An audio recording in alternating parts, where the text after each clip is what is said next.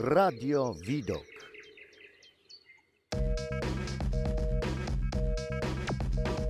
Edukator społeczny. Dzień dobry, witam serdecznie naszych słuchaczy. E, Dziś e, z nami Magdalena Witkowska i porozmawiamy z nią e, na temat takiego tematu, jakim jest przemoc psychiczna. Magdalena jest psychologiem, psycholożką i mentorką w Akademii Dobrej Edukacji w Gdańsku, ale może więcej o tym, kim Magda jest, niech przedstawi się sama. Witaj Magda. Dzień dobry, dzień dobry. Y, dziękuję za to wprowadzenie, Marcinie. Mm, no tak, rzeczywiście jestem psychologiem z wykształcenia, z zamiłowania i na co dzień sobie pracuję z młodzieżą w Liceum Akademii Dobrej Edukacji w Gdańsku. Tam jestem mentorką. No i to jest taka posługa, która trochę łączy pracę psychologa i, i wychowawcy szkolnego. Y, stara się też po prostu rozmawiamy o życiu, coś tam pokonsultujemy ale, ale sprowadza się to do tego, żeby być takim życzliwym towarzyszem. No a oprócz tego też, też konsultuję tak, tak po prostu psychologicznie, trochę interwencją kryzysową się zajmuję, mm, a poza tym bardzo lubię się dzielić wiedzą psychologiczną, więc jakieś takie audycje jak ta, warsztaty, szkolenia, och, uwielbiam. Także już teraz dziękuję za zaproszenie i że mogę być z Wami. E, dzięki Magda. E, chcieliśmy dzisiaj przybliżyć naszym słuchaczom temat przemocy psychicznej. Dzisiaj chcemy pomówić i przybliżyć, czym jest właśnie ten rodzaj przemocy, jakim jest przemoc psychiczna. E, e, przemoc to jest szerokie zagadnienie, ono ma różne, można powiedzieć, odsłony. E, Magda, powiedz może naszym słuchaczom tak pokrótce, czym w ogóle jest przemoc? Jakbyś ty ze swojego psychologicznego punktu zdefiniowała w ogóle zagadnienie ogólnie przemocy. Przemoc w ogóle paskudna sprawa, mm, jak się pewnie domyślacie.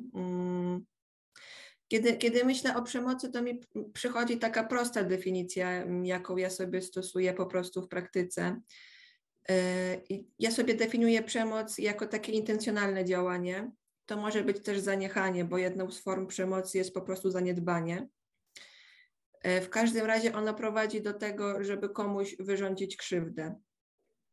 I zawsze mhm. wtedy, e, zawsze wtedy mamy, mamy do czynienia z przemocą.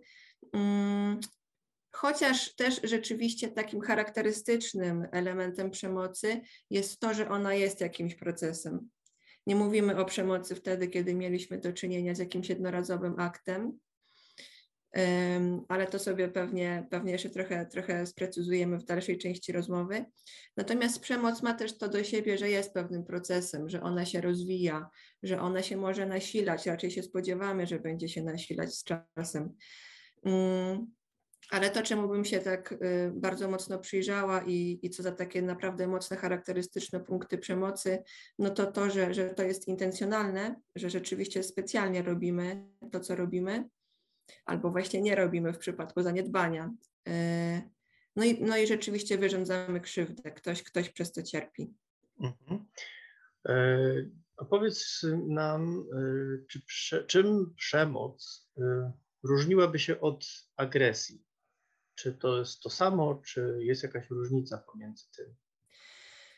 Różnica jest rzeczywiście. Mm, kiedy myślę sobie o przemocy, to myślę sobie o takiej relacji, w której asymetria sił jest naprawdę znacząca.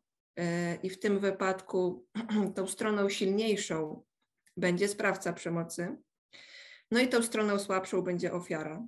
Mm, I tam bardzo łatwo zauważyć, że po prostu jedna strona no nie ma szans tą drugą. Ta, ta ofiara jest z jakiegoś powodu bezbronna, bezradna, Mm, kiedy do tej przemocy dochodzi. Natomiast w wypadku agresji no nie ma aż takiej dużej różnicy. Y, agresja jest taką formą wyrażania złości, y, bardzo złą, nieuporządkowaną. Y, I kiedy uczymy się mm, na różnych właśnie warsztatach mm, czy jakichś takich sesjach psychologicznych, jak złość wyrażać zdrowo, no to właśnie szukamy dróg innych niż agresja, bo agresja zdrową drogą i sposobem wyrażania złości nie jest. Mm. I w wypadku agresji też raczej byśmy się spodziewali, że to będą jakieś jednorazowe akty, e, że one będą jakoś podobne do siebie i że tutaj nie będziemy obserwować procesu, na przykład nasilania, jak to będzie w wypadku, e, w wypadku przemocy. Ale jeszcze raz podkreślę, w przypadku agresji nie spodziewamy się tego, żeby ta asymetria siły była aż taka duża, jak w wypadku przemocy. Mhm. Powiedziałaś też, e, że przemoc jest to jakiś taki zbiór zachowań e, przemyślanych. E, czy, mm, czy w jakiś sposób agresja też może być przemyślana, czy, czy przemoc właśnie jest jakimś takim bardziej z, z przemyślanym zbiorem zachowań, właśnie takim mm -hmm. może czasem nawet sprytnym, który chce jakby osiągnąć swój cel. W takim razie, jak mówisz, a agresja byłaby czymś takim typowo zachowaniem emocjonalnym bez, bez jakiegoś przemyślenia, tak? Tak, dokładnie. W ogóle świetnie, świetnie to wszystko ująłeś. Powiedziałeś o dwóch, przynajmniej dwóch bardzo takich ważnych elementach, to znaczy przemoc jako coś przemyślanego i przemoc jako coś, co ma doprowadzić e, do jakiegoś skutku, do jakiegoś efektu, który sprawca sobie zaplanował. I rzeczywiście tak, tak jest w przemocy. Mm, to jest taki e, zbiór zachowań, jakichś strategii. Mm, gdybyśmy tak precyzyjniej mówiąc, sprawcę przemocy E, zapytali, no on niekoniecznie musiałby chcieć się przyznać. E, na ile to by było uświadomione u niego, na ile nie, to już tam pewnie różnice indywidualne, ale rzeczywiście patrząc z boku, nie da się ukryć, że ten człowiek do czegoś dąży. Może być tak, że on dąży do tego, żeby pozbawić ofiarę e, kontroli nad własnym życiem, bo to on chce przyjąć tą kontrolę może z jakiegoś powodu chcieć odebrać jej zupełnie poczucie sprawczości, żeby ona zupełnie była zależna mhm. Y, od niego. Przy czym, kiedy mówię o, y, no bo używam takich, takich zaimków jej, jego, nie mam tutaj na myśli płci, po prostu w języku polskim ofiara jest y, rodzaju żeńskiego, a, a sprawca mm, to rodzaj męski. No tutaj to nie ma tak, że zawsze mężczyzna jest sprawcą, a kobieta mhm. ofiarą. Może być bardzo różnie, zwłaszcza w wypadku przemocy psychicznej. Zarówno kobieta, jak i mężczyzna może być ofiarą, może być sprawcą, co więcej. Y, jedna i ta sama ofiara może być zarówno ofiarą, jedna i ta sama osoba może być zarówno ofiarą przemocy, jak i może być sprawcą, bo bez problemu możemy sobie wyobrazić taką sytuację, na przykład w rodzinie, Mhm. E, gdzie jedno z, jedno z, mm, z małżeństwa czy, czy, czy, czy z relacji, ze związku e, jest ofiarą, na przykład już tak stereotypowo podchodząc, że ta kobieta będzie w tej relacji ofiarą przemocy, ale zarazem ta kobieta może być sprawcą wobec dziecka. No tak, w ramach e, takiego wraca... odreagowania też, nie? Myślę albo może być, może być, może być też tak, że nie zna, wiesz, innych, innych jakichś rodzajów w ogóle budowania relacji, że, że sama pochodzi z rodziny przemocowej i to jest po prostu jedyny sposób komunikacji, jaki zna taki przemocowy. Natomiast jeszcze do tej agresji wracając, no to też słusznie ująłeś. To jest po prostu taki bardzo nieuporządkowany sposób wyrażania złości, nieprzemyślany zupełnie. Mm, I to jest taki moment, kiedy rzeczywiście tracimy kontrolę, kiedy te emocje wybuchają, e, nasz taki aparat poznawczy nie radzi sobie z tym, nie jest w stanie tego uporządkować. Mm. Tak, i tutaj nie ma mowy o jakiejś strategii, o jakimś przemyślanym działaniu. Tutaj w ogóle ta taka część racjonalna jest zupełnie bezradna. Mhm. Tak, takie pytanie mi się nasuwa, jak słucham. Y, żeby też nasi słuchacze mogli jakby tak zrozumieć e, tą różnicę e, i, i te niuanse związane z emocjami, bo nasuwa mi się taki wniosek, że agresja głównie jest, czy prawie zawsze, nie wiem, to poprawnie, zmotywowana złością, czyli emocjami i, i tą emocją złości, czy, czy gniewu jakiegoś, a przemoc mogłaby być, ale niekoniecznie, że to też może być zmotywowane innymi czynnikami. Czyli tak jest, czy jest inaczej? Jak myślisz, jak, jak to uważasz? Och, tak, zdecydowanie. Rzeczywiście w wypadku, y, y, w wypadku agresji, mm, no to, to można by do jakiegoś takiego wulkanu czy gejzeru porównać i z niego tak po prostu wybucha, tak jak powiedziałeś, czy ta złość, czy ten gniew. I, i, I to wszystko tak naprawdę, jeśli chodzi o agresję. Rzeczywiście to jest taka potężna bardzo emocja. Tutaj myślę, że możemy się głównie skupić na, na złości, jako na takim głównym napędzie agresji. To jest wielka siła, wielka energia. Mm, z gruntu naprawdę dobra, potrzebna mm, i dobrze, że mamy złość. Złość jest niezbędna do tego, żeby zadbać o siebie, żeby mm, zadbać o nasze granice, o takie poczucie komfortu, e, o naszą autonomię, o naszą wolność. Złość się uruchamia wtedy, kiedy którykolwiek z tych aspektów w jakikolwiek sposób jest zagrożony, więc e, no, ona jest wielką przyjaciółką, jak zresztą każda emocja. Mhm.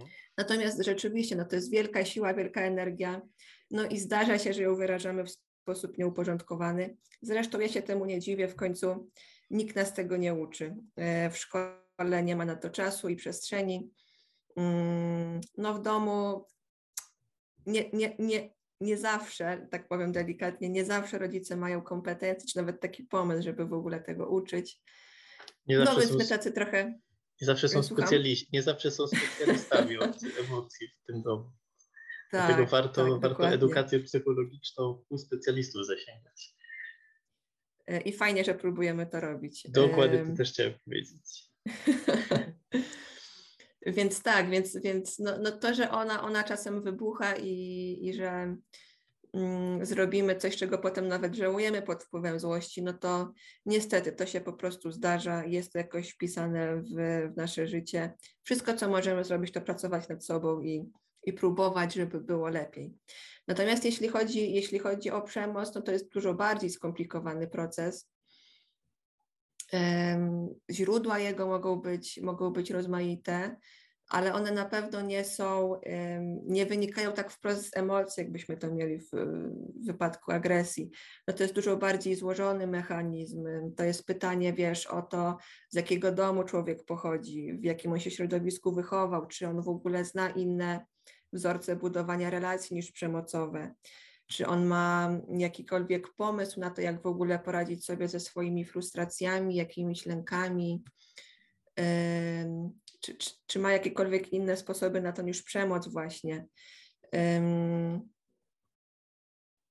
Przemoc, no jeszcze, no, no, no co ważne w wypadku przemocy, to to, że ona też się świetnie kamufluje. Wiem, że kiedy mówimy o przemocy, to nam się włącza taki obrazek stereotypowy, jakiejś takiej nieradzącej sobie z życiem rodziny, z raczej takiej dzielnicy, gdzie byśmy nie chcieli pójść nocą. Mhm. Mm, wiadomo, w, w, każdym mieście jest takie miejsce, że, że wiemy, że trzeba uważać. My w Gdańsku takie mamy, mhm. gdziekolwiek tam tego słuchacie, na pewno też macie takie, takie miejsca, że się trochę, trochę gęsia skórka pojawia, kiedy o tym myślimy.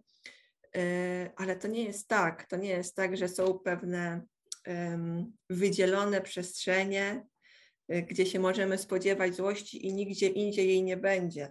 Rodziny przemocowe to są bardzo często, zwłaszcza spodziewać przemocy, mówimy, y, tak? Tak, dokładnie. Rodziny przemocowe, zwłaszcza kiedy myślimy o przemocy psychicznej, one naprawdę z zewnątrz mogą wyglądać idealnie. Wiesz, tata mhm. pod, pod krawatem, mama zawsze zadbana, dzieci niezwykle zaangażowane, ciągle zajęte, bo mnóstwo zajęć. Tymczasem okazuje się, że wewnątrz no tam się od, odgrywają różne dramaty. Tam nie ma zdrowych relacji, nie ma, um, nie ma komunikacji zdrowej, um, jakieś te mechanizmy motywacyjne, żeby te na przykład dzieci na te zajęcia uczęst, uczęszczały. Um, to są jakieś takie przemocowe bardzo, że one są zmuszane, ale w taki sposób właśnie psychiczny, jakaś manipulacja często. E, tak, także ta przemoc to na pewno więcej niż emocje. To już są jakieś takie wzorce mm, zachowań, to cośmy wynieśli z domu, y, to czego nas uczono od maleńkości nieraz. Y, no i to, że nieraz my jesteśmy w ogóle właśnie bezradni, bo nie znamy innego świata niż ten przemocowy. Uh-huh. Albo się okazuje, że człowiek y, no, odkrył, że za pomocą przemocy łatwiej można coś ugrać. No to po co się starać? No to po co kombinować? Po co próbować budować zdrowe relacje, skoro można kogoś na przykład zmanipulować i osiągnąć swój cel szybciej i, i po mniejszych kosztach? Mhm. Czyli właśnie tak jak słucham tej różnicy i dobrze, że ją na początku jakoś taką mówiliśmy, e, agresja łatwo jest rozpoznawana wprost, bo ja widzę, że ktoś emocją, emocjami się kieruje, że jest tu impulsywny, że po prostu chce wyrzucić i, i tą emocję wyrazić.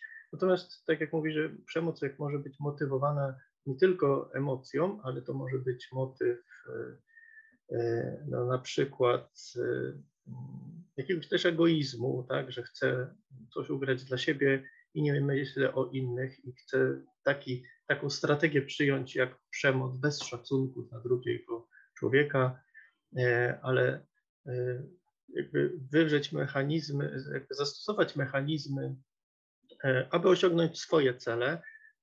Może mnie motywować tym, że zawsze tak było, zawsze tak było i, i, tylko taki mechanizm znam, bo tak było u mnie w domu, moi dziadkowie tak, tak stosowali. Tak. Nie znam innego i motywuje mnie po prostu e, tradycja na przykład, można by tak powiedzieć. Mhm. E, nie, więc to można powiedzieć, że to przemoc jest czymś, co może również działać w białych rękawiczkach, jak powiedziałaś. Dlatego to trudno e, rozpoznać.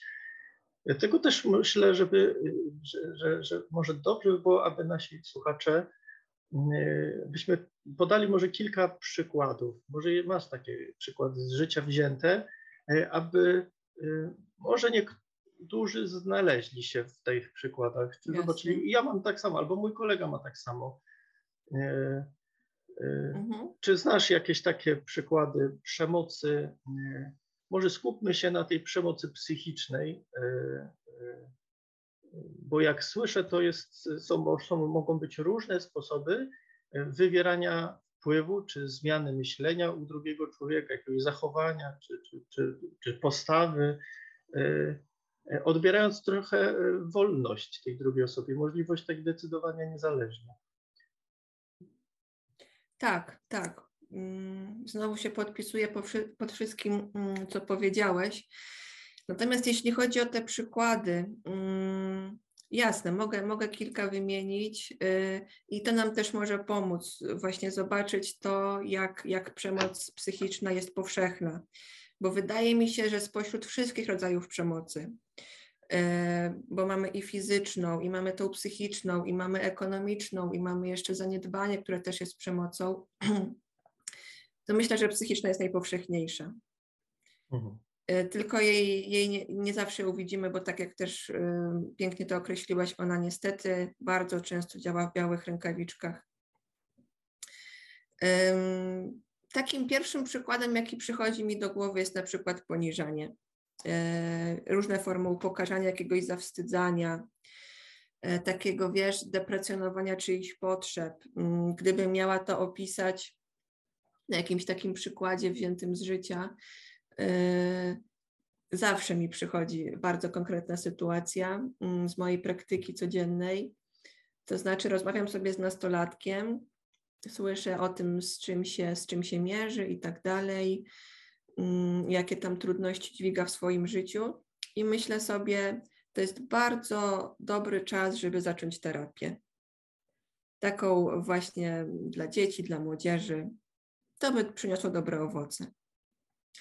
No i w związku z tym, że pracuję w, w takim wypadku z osobą niepełnoletnią, bo skoro proponuję mm, terapię dla młodzieży, no to to już zakłada, że, że ta osoba jest niepełnoletnia. No to taką, taką decyzję muszę skonsultować z rodzicem, yy, bo osoba niepełnoletnia po prostu nie może zacząć terapii bez, bez zgody.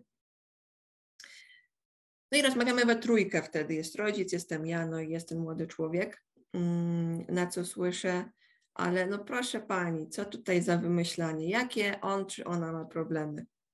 Jedzenie ma, dach nad głową ma, mhm. rodzinę jakąś tam ma. To nic, że po rozwodzie, że ten rozwód w ogóle fatalnie znieśli wszyscy i tak naprawdę nikt się po nim jeszcze nie podniósł. Jakie ona ma problemy? No pani psycholog. I to jest forma przemocy. Takie forma poniżania, nie zwracania uwagi Mhm. na potrzeby tej drugiej osoby i nie słuchania się, tak? Też byłaby forma przemocy, tak? O tym mówisz? Tak, tak, tak, niewątpliwie. Y, No ktoś by mógł teraz zapytać, no ale z jakim my tu mamy mm, do czynienia procesem? Mm, Bo na początku powiedziałam, że prz- przemoc, że jej definicja zakłada jakiś proces. No to Mhm. tu byśmy się przyjrzeli, bo być może rzeczywiście nie jest to przemoc w takim pełnym tego słowa znaczeniu, to znaczy ona nie będzie jakoś postępować, tylko będzie się utrzymywać na stałym poziomie, to znaczy ciągle będziemy mieli do czynienia z, z takim deprecjonowaniem tej konkretnej potrzeby, jaką jest y, pilna potrzeba skorzystania z pomocy psychologicznej. Ale rzeczywiście warto by się było temu przyjrzeć też w szerszym kontekście, czy to aby na pewno jest jedyna forma takiego deprecjonowania potrzeb, czy to się aby na pewno nie nasila, czy to się nie, nie rozlewa na inne pola życia. Jeżeli nie, no to rzeczywiście mamy po prostu do czynienia z jakimś takim mm, jednorazowym, czy też co jakiś czas powtarzającym się y, po prostu aktem przemocy. No ale biorąc pod uwagę gdzieś tam jego, je- jego szkodliwość i to, że on nawraca za każdym razem, kiedy pojawia się, pojawia się ten temat, no to rzeczywiście no, no możemy dzielić włos na czworo i się zastanawiać, czy tutaj każdy aspekt definicji został spełniony. Ja bym się bardziej skupiła na tym, jakie tam są konsekwencje dla tej ofiary. A możemy się obawiać, że są naprawdę przykre i, yy, i że gdybyśmy zadziałali teraz, to to w dużej mierze byłaby jakaś nawet profilaktyka i takie wczesne działanie, które by szybko przyniosło fajne skutki. A jeżeli tutaj się nic nie zmieni i ten młody człowiek będzie mógł skorzystać z pomocy dopiero po 18 roku życia, kiedy nie będzie potrzebna zgoda rodzica, no to już tej pracy będzie więcej tego, że tak powiem, materiału do uporządkowania po prostu na, nazbiera, się, nazbiera się naprawdę dużo. E, innym takim przykładem przemocy, jaki mi przychodzi do głowy, jest Jeszcze na tylko przykład... dopy, dopytam, czy dobrze rozumiem A, jasne. ten pierwszy przykład.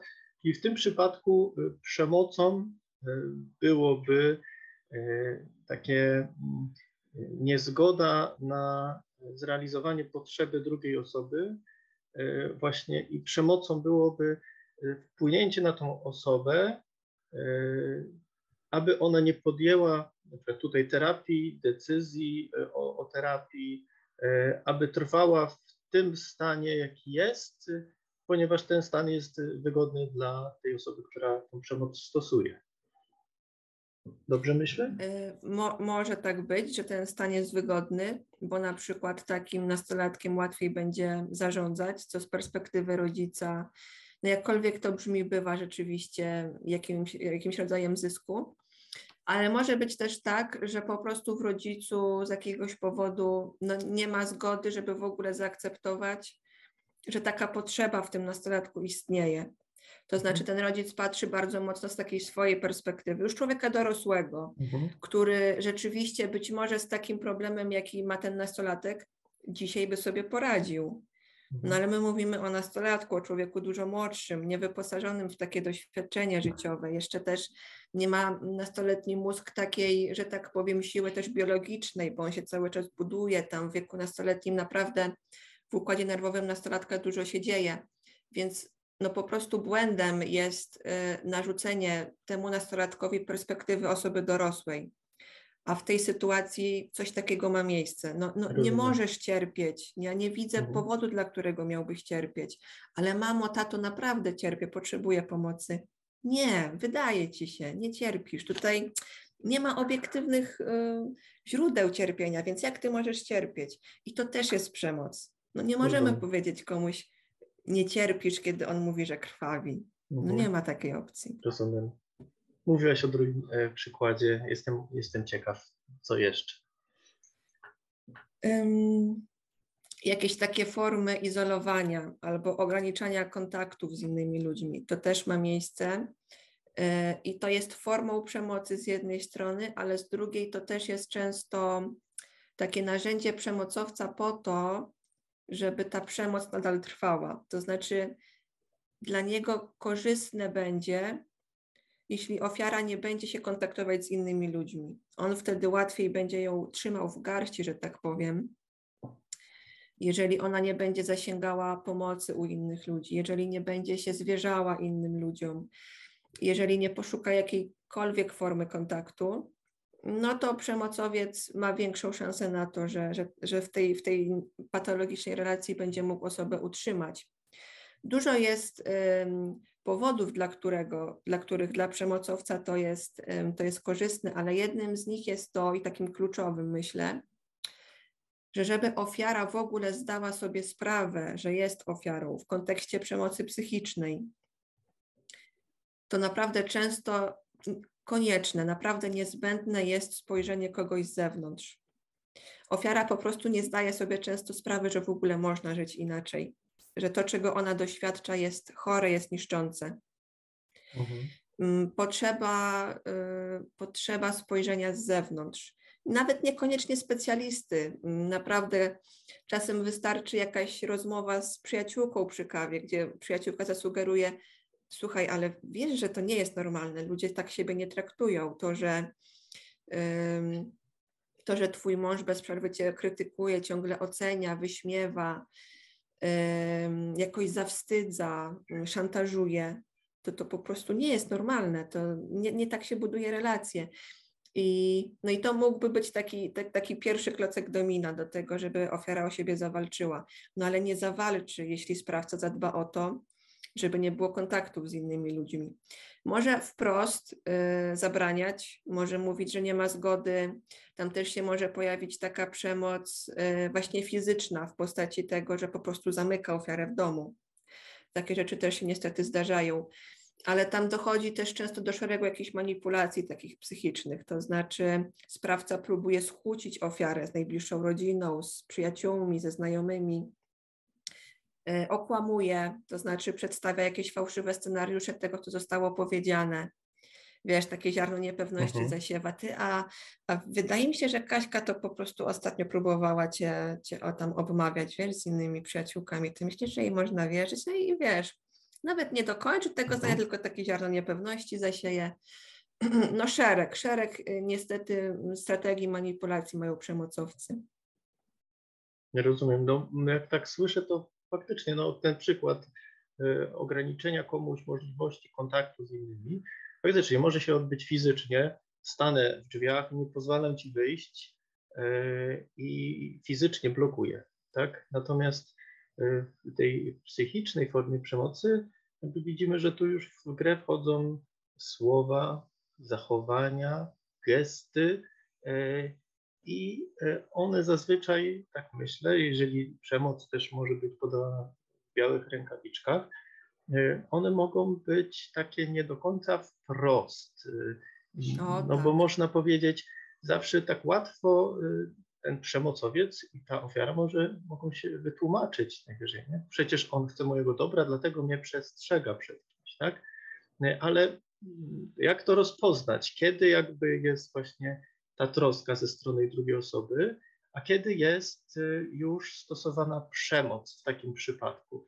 Bo mm, pierwsze pytanie, jak zadałaś, y, y, przepraszam, bo pierwszy raz, jak mówiłaś o tym ograniczeniu właśnie kontaktu z innymi, to też naruszył mi się taki przykład dziecka i rodzica, który mówi, przez tydzień nie wychodzisz z domu za to, co zrobiłeś, za to, co zrobiłeś. Czy takie mhm. rozwiązania są przemocowe, czy są wywołane troską y, i te szlabany różne, tak? Dla, A, dla tak. dzieci. Jak to w tym kontekście przemocy byś y, oceniła, ustosunkowała się do tego? E, to jest pytanie o tyle trudne, że ono w ogóle, wiesz, dotyka mm, pewnego rodzaju sedna mm, w ogóle tego, czym jest przemoc i tego, dlaczego czasem przemoc jest trudno zdefiniować. To znaczy, um, takie słowo, taka definicja, takie, um, takie pojęcie jak przemoc, no jego nie znajdziemy w żadnych podręcznikach do psychopatologii, w żadnej takiej literaturze, gdzie mamy do czynienia z jednostkami chorobowymi. Um, tam nie ma, nie ma takich, takich kryteriów, że, że sobie powiemy, o, to, to, to i to spełnione, bęk, na pewno przemoc. Y, dlaczego tak jest? Ano dlatego, że przemoc jest zjawiskiem społecznym i ona zawsze będzie czytana w kontekście tego, jakie zasady aktualnie panują w społeczeństwie. Co mam na myśli? Bo to może brzmieć trochę zawiłe, ale warto, warto to zrozumieć. No myślę sobie na przykład o moich rodzicach, którzy kiedy chodzili do szkoły, no to standardem było, to był standard wychowawczy, się stosowało przemoc fizyczną. I dla nikogo to nie było nawet, no żadnej wątpliwości nie stanowiło. Mhm. Jak, jak mój tata coś zbroił, no to wiadomo było, że dostanie linijką po rękach, albo że będzie musiał klęczeć y, na grochu w, w kącie i tak dalej, i tak dalej. Mm, no dzisiaj to jest nie do pomyślenia. Dzisiaj, gdyby ktoś zastosował takie działania wobec dziecka, mm, no to wiadomo, przemoc, agresja, y, fatalne zachowanie, no tak po prostu nie można. Ktoś skrzywdził dziecko a jeszcze naprawdę 30-40 lat temu no to był standard. Nikomu mhm. nie przyszło do głowy nazwać tego przemocą. Więc to po pierwsze. Natomiast i, i, to pewnego rodzaju rzeczywiście takie trudności komunikacyjne może nam stworzyć. To znaczy, jeżeli ja dzisiaj będę mówić rodzicowi, wie pan co, no ten szlaban to, to chyba niekoniecznie jest dobre rozwiązanie, to nawet już ma, może mieć znamiona przemocy. No to ten człowiek, wiesz, postawi oczy jak 5 złotych mhm. i powie mi, ale pani Magdalena, co pani opowiada, jaka przemoc, przecież mnie tak wychowywano. Jak coś zbroiłem, nie mogłem dwa tygodnie wyjść na podwórko. I wtedy też padają znamienne słowa, no i wyrosłem na ludzi. Z tym, czy wyrosłem na ludzi, bym się czasem wiesz, gdzieś tam polemizowała, ale to zostawiamy no, yes. tak na boku. E, natomiast e, rzeczywiście warto, warto, myślę, te wszystkie zachowania, to jakie my mamy pomysły na wychowywanie młodego pokolenia, jak my ich chcemy uczyć e, życia i różnych wartości i tak dalej, rzeczywiście moim zdaniem warto to czytać w kontekście tego, co podpowiada nauka, co odkrywamy jako społeczeństwo, co nam się dzisiaj wydaje wartościowe. I jeżeli 20-30 lat temu jakimś, że tak powiem, standardem wychowawczym, bardzo powszechnym narzędziem była albo przemoc fizyczna, albo właśnie narzucanie szlabanów, e, zakaza, e, zakazywanie jak, jakichkolwiek form kontaktu z przyjaciółmi, ze znajomymi, to być może dzisiaj po tych latach myśmy jednak wypracowali lepsze sposoby i może nie ma sensu sięgać do tych starych. E, I powiem Ci szczerze, że o ile to dla niektórych może brzmieć kontrowersyjnie, o, o tyle rzeczywiście uważam, że w pewnym wypadku mm, zabranianie kontaktu z rówieśnikami, jakieś formy szlabanu, odbieranie jakichś dóbr, z których na co dzień dziecko czy, czy nastolatek może korzystać. Ja rzeczywiście w tym czasem dostrzegam znamiona przemocy, zwłaszcza, że te formy karania, tutaj w ogóle moglibyśmy osobny wątek zacząć, czy, czy w ogóle karanie ma sens w kontekście wychowawczym, czy, czy, czy bazować na karach, czy może bardziej na konsekwencjach, bo to nie jest jedno i to samo. Kara czasem jest w ogóle oderwana totalnie od tego e, czynu zabronionego, jakiego dokonał ten młody człowiek. E, no bo no jaki ma sens mm, na przykład zabieranie mm, nastolatkowi kontaktu z kontaktu z, z przyjaciółmi po tym, jak na przykład się pokłócił z, z młodszym rodzeństwem. No nie ma żadnego związku i czy my czegoś tego młodego człowieka rzeczywiście uczymy w ten sposób? Może lepiej byłoby poszukać um, jakiejś formy wychowania poprzez konsekwencje. No, pokłóciłeś się z siostrą, byłeś dla niej niedobry, no to teraz przez tydzień robisz jej kanapki do szkoły na przykład. Może mhm. to by miało większy sens, no, ale to tak na boku. Um, więc tak, no ja bym, ja bym gdzieś tak dość odważnie szła w takim kluczu y, przepuszczania różnych naszych pomysłów y, na kary, na konsekwencje, na wychowanie, właśnie przez takie dość gęste sito pytania, czy to aby na pewno nie ma znamion przemocy. Fakt to jest trudne, no dużo łatwiej jest dać szlaban i powiedzieć siedź tam i nie odzywaj się i nie podskakuj, Y, niż poszukać czegoś, czegoś nowego, zwłaszcza, że no nas często wychowywano inaczej, dużo bardziej, tak bym powiedziała, no szorstko, no może tak to nazwę. Tak e, może w prostych słowach uda nam się e, tutaj słuchaczom powiedzieć, e, jakie są te znamiona przemocy, e, żeby tak też słuchacze po tej audycji mogli w prosty sposób no, zbadać, zdiagnozować albo przybliżyć tak, sobie sposób, w jaki mogliby pomyśleć o tym, czy to już jest przemoc w moim wykonaniu, czy w stosunku co do mnie. Mm, myślę, że zawsze warto zacząć od, od tego, żeby sprawdzić, mm, co się wydarza po jakimś naszym zachowaniu. Czy w nas, albo w tym drugim człowieku. Pojawia się na przykład złość. No bo skoro złość jest mm, odpowiedzią na, na przekraczanie granic, no to w wypadku przemocy może się wydarzyć, że ofiara zareaguje złością, albo w nas się złość pojawi, jeżeli ktoś na nas jakąś, jakąś przemoc stosuje. Jeżeli nie złość, to być może smutek, no bo nie zawsze mamy siłę, żeby złością zareagować, no bo złość jest taką reakcją obronną, a my się czasem tak chowamy w sobie, kiedy ktoś stosuje przemoc i raczej pojawia się smutek. Trzeba się też przyjrzeć sobie w takim kontekście, czy w nas mm, nie pojawia się jakieś takie poczucie bezradności, że no ja i tak nie mogę nic zmienić, bo, bo jestem taka bezradna, bo ten przemocowiec jest taki wszechmocny. Ja w ogóle nie widzę wyjścia z sytuacji, więc za każdym razem, kiedy w obliczu reakcji drugiego człowieka y, nas dopada takie poczucie, że nie możemy nic zrobić, że jest w nas jakaś taka niemoc. To tutaj też bym szukała, czy, czy nie mamy do czynienia z przemocą właśnie. I tak naprawdę też takie bardzo proste kryterium. No, kiedy jest jakiekolwiek poczucie jakiegoś dyskomfortu, jakiegoś zranienia, taka myśl się pojawia, no coś tu nie gra, coś, coś jest nie tak. No, wydaje mi się, że życie może być dużo piękniejsze, dużo pełniejsze niż to, czego ja teraz doświadczam to też bym, też bym się zastanawiała, czy nie mamy do czynienia z przemocą. No i zwłaszcza wtedy, kiedy to trwa jakiś czas.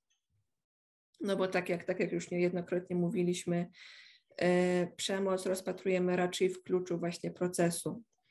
Mm, I to takiego, który się nasila, więc też takie sięgnięcie pamięcią wstecz, czy to, jak mnie traktuje dany człowiek, to tak było zawsze, czy może kiedyś było na przykład trochę lepiej, trochę delikatniej, a, a teraz jest tylko gorzej, to się pogłębia mm, i te reakcje są jakieś coraz bardziej brutalne, coraz bardziej takie bezpardonowe.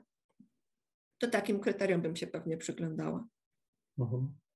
Super. E, też y, sobie zdaję sprawę, że trudno być sędzią we własnej sprawie, ale dobrze jakby być czujnym i przyglądać się temu, tym e, czynnikom, o których mówisz, e, aby sprawdzić, e, tak, może to już jest przemoc. Co mhm. zrobić, powiedz nam, gdy takie podejrzenia zaczną się rodzić w nas? Czy my mamy już sami jakoś podjąć działanie, czy może gdzie szukać pomocy, z kim porozmawiać? Albo jak po prostu wówczas zareagować, gdy zobaczymy, że jest gdzieś ta przemoc, czy to w nas, czy w stosunku co do nas. Jeżeli rozmawiamy o, y, o przemocy psychicznej, mm, to tutaj rzeczywiście niestety będzie szereg trudności, bo ona nie jest taką przemocą, która uderza, uderza po oczach, tak? Że, że ona działa w tych białych rękawiczkach. I tutaj, y, jeżeli widzimy przemoc psychiczną, na przykład w, w stosunku do osoby nieletniej, dziecka czy nastolatka, to niestety może być nawet trudno jakoś przekonać służby, żeby się zainteresowały i żeby tam rzeczywiście wkroczyły odpowiednie organy, ale na pewno warto próbować. Na, nawet na policję można coś takiego zgłosić. Mm, wtedy mhm. po prostu otwarcie mówimy o tym, co widzieliśmy, że tam był jakiś krzyk, że niejednokrotnie byliśmy świadkami jakiegoś upokarzania człowieka, że doszły nas słuchy, e, że być może ktoś jest izolowany i tak dalej, i tak dalej. I już wtedy przechwytują to służby, powinna się rozpocząć procedura niebieskiej karty i tam, tam takiej rodzinie powinien zacząć towarzyszyć kurator. E, I tak to wygląda od strony takiej formalnej. Przy czym, jeżeli mamy do czynienia właśnie z przemocą, jakąkolwiek przemocą wobec człowieka mm, nieletniego, no to jesteśmy zobowiązani. Naprawdę, mm, naprawdę już teraz obowiązuje nas prawo, żeby zareagować i żeby, i żeby nie pozostawać obojętnym, ale właśnie to zgłosić. Jeżeli jest się dorosłym, E, Jeżeli jest się dorosłym, tak. E, I widzimy przemoc w stosunku co do siebie jako dorosłego albo do kogoś innego dorosłego. No to, no to wtedy, mm, jeżeli widzimy wobec kogoś, to też nic nie stoi na przeszkodzie, żeby to zgłosić służbom. Oni, oni wtedy mogą odbyć wizytę w takim domu i czasem to też jest takie dla przemocowca jakiś taki zimny prysznic, że do niego dociera, że w ogóle robi coś złego, że nawet jeżeli sobie wmawiał, że, że to nie jest aż takie złe, albo że przecież wszyscy tak robią, no to po interwencji służb czasem rzeczywiście dochodzi do jakiejś zmiany w, w zachowaniu, w postawie tego człowieka. Możemy też zawsze sięgnąć po pomoc y, ośrodka interwencji kryzysowej. Możemy poszukać psychologa, który by zechciał z nami porozmawiać i pomógł nam zbudować jakąś sieć wsparcia, bo czasem ofiara po prostu nie ma siły o siebie zawalczyć. Yy, I to jest jakoś zrozumiałe i normalne, zwłaszcza, że no tak jak sobie dzisiaj już mówiliśmy, yy, ofiara często naprawdę nawet latami może w takim systemie funkcjonować i nie zdawać sobie sprawy, że ta energia jest z niej wysysana, że życie jest z niej wysysane. Więc na początku będzie potrzebowała jakiejś sieci wsparcia. I w takiej sytuacji ten psycholog może na przykład pomóc y, zbudować taką siatkę, że tak powiem, zasobów, ale takich ludzkich. To znaczy, rozmawiamy z psychologiem wtedy o tym, na kogo ty możesz liczyć w ogóle w swoim życiu. Wtedy się okazuje, że jednak jest jakaś koleżanka, jest jakaś przyjaciółka, jest ktoś z rodziny, i że są osoby, które nas mogą wesprzeć w, całym, w całej tej, tej walce z, z, z przemocą y, psychiczną.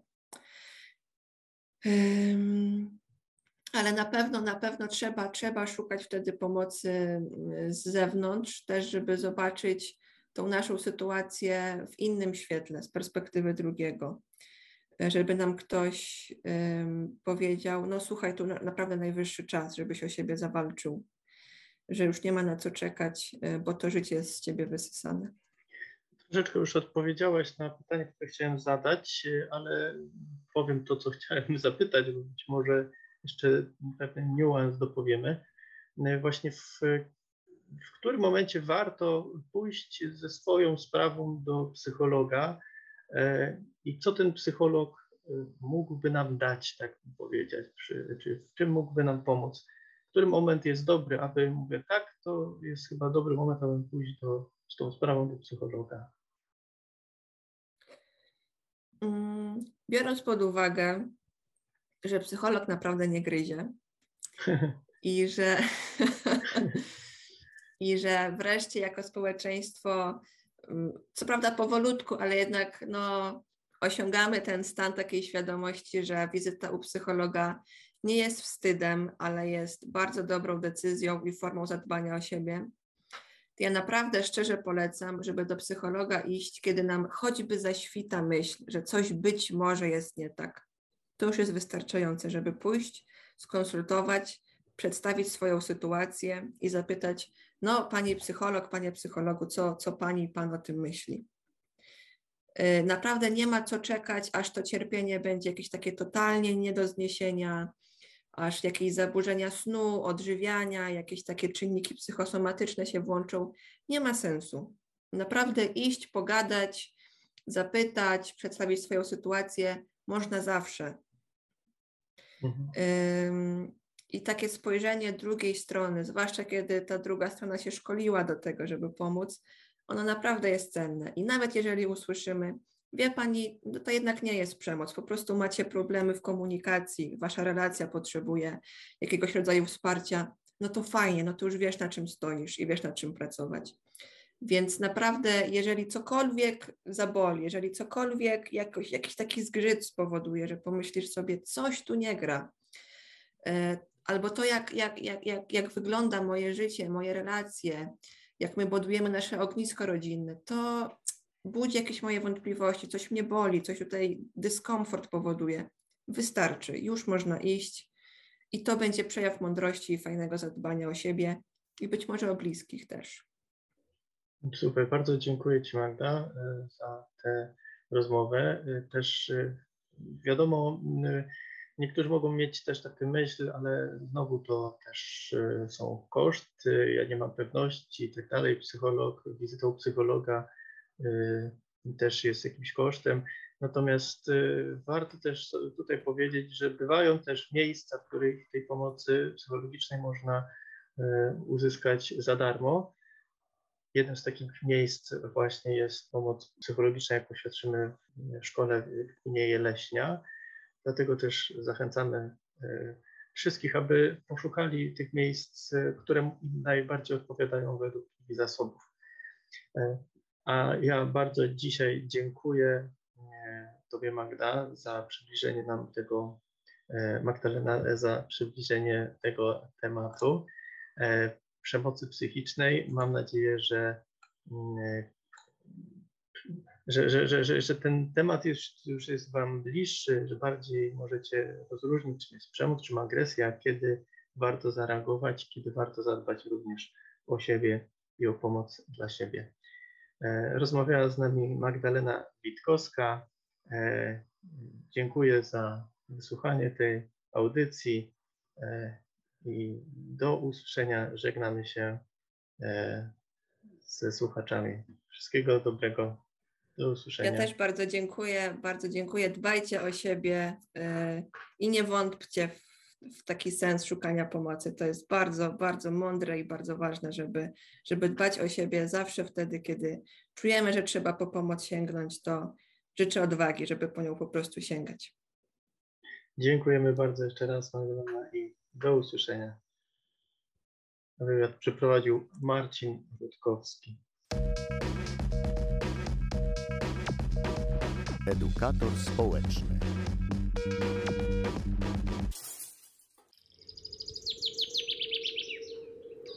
Radio Widok. Podcast został zrealizowany w ramach dotacji z programu Aktywni Obywatele Fundusz Krajowy finansowanego przez Islandię, Liechtenstein i Norwegię w ramach Funduszy Europejskiego Obszaru Gospodarczego.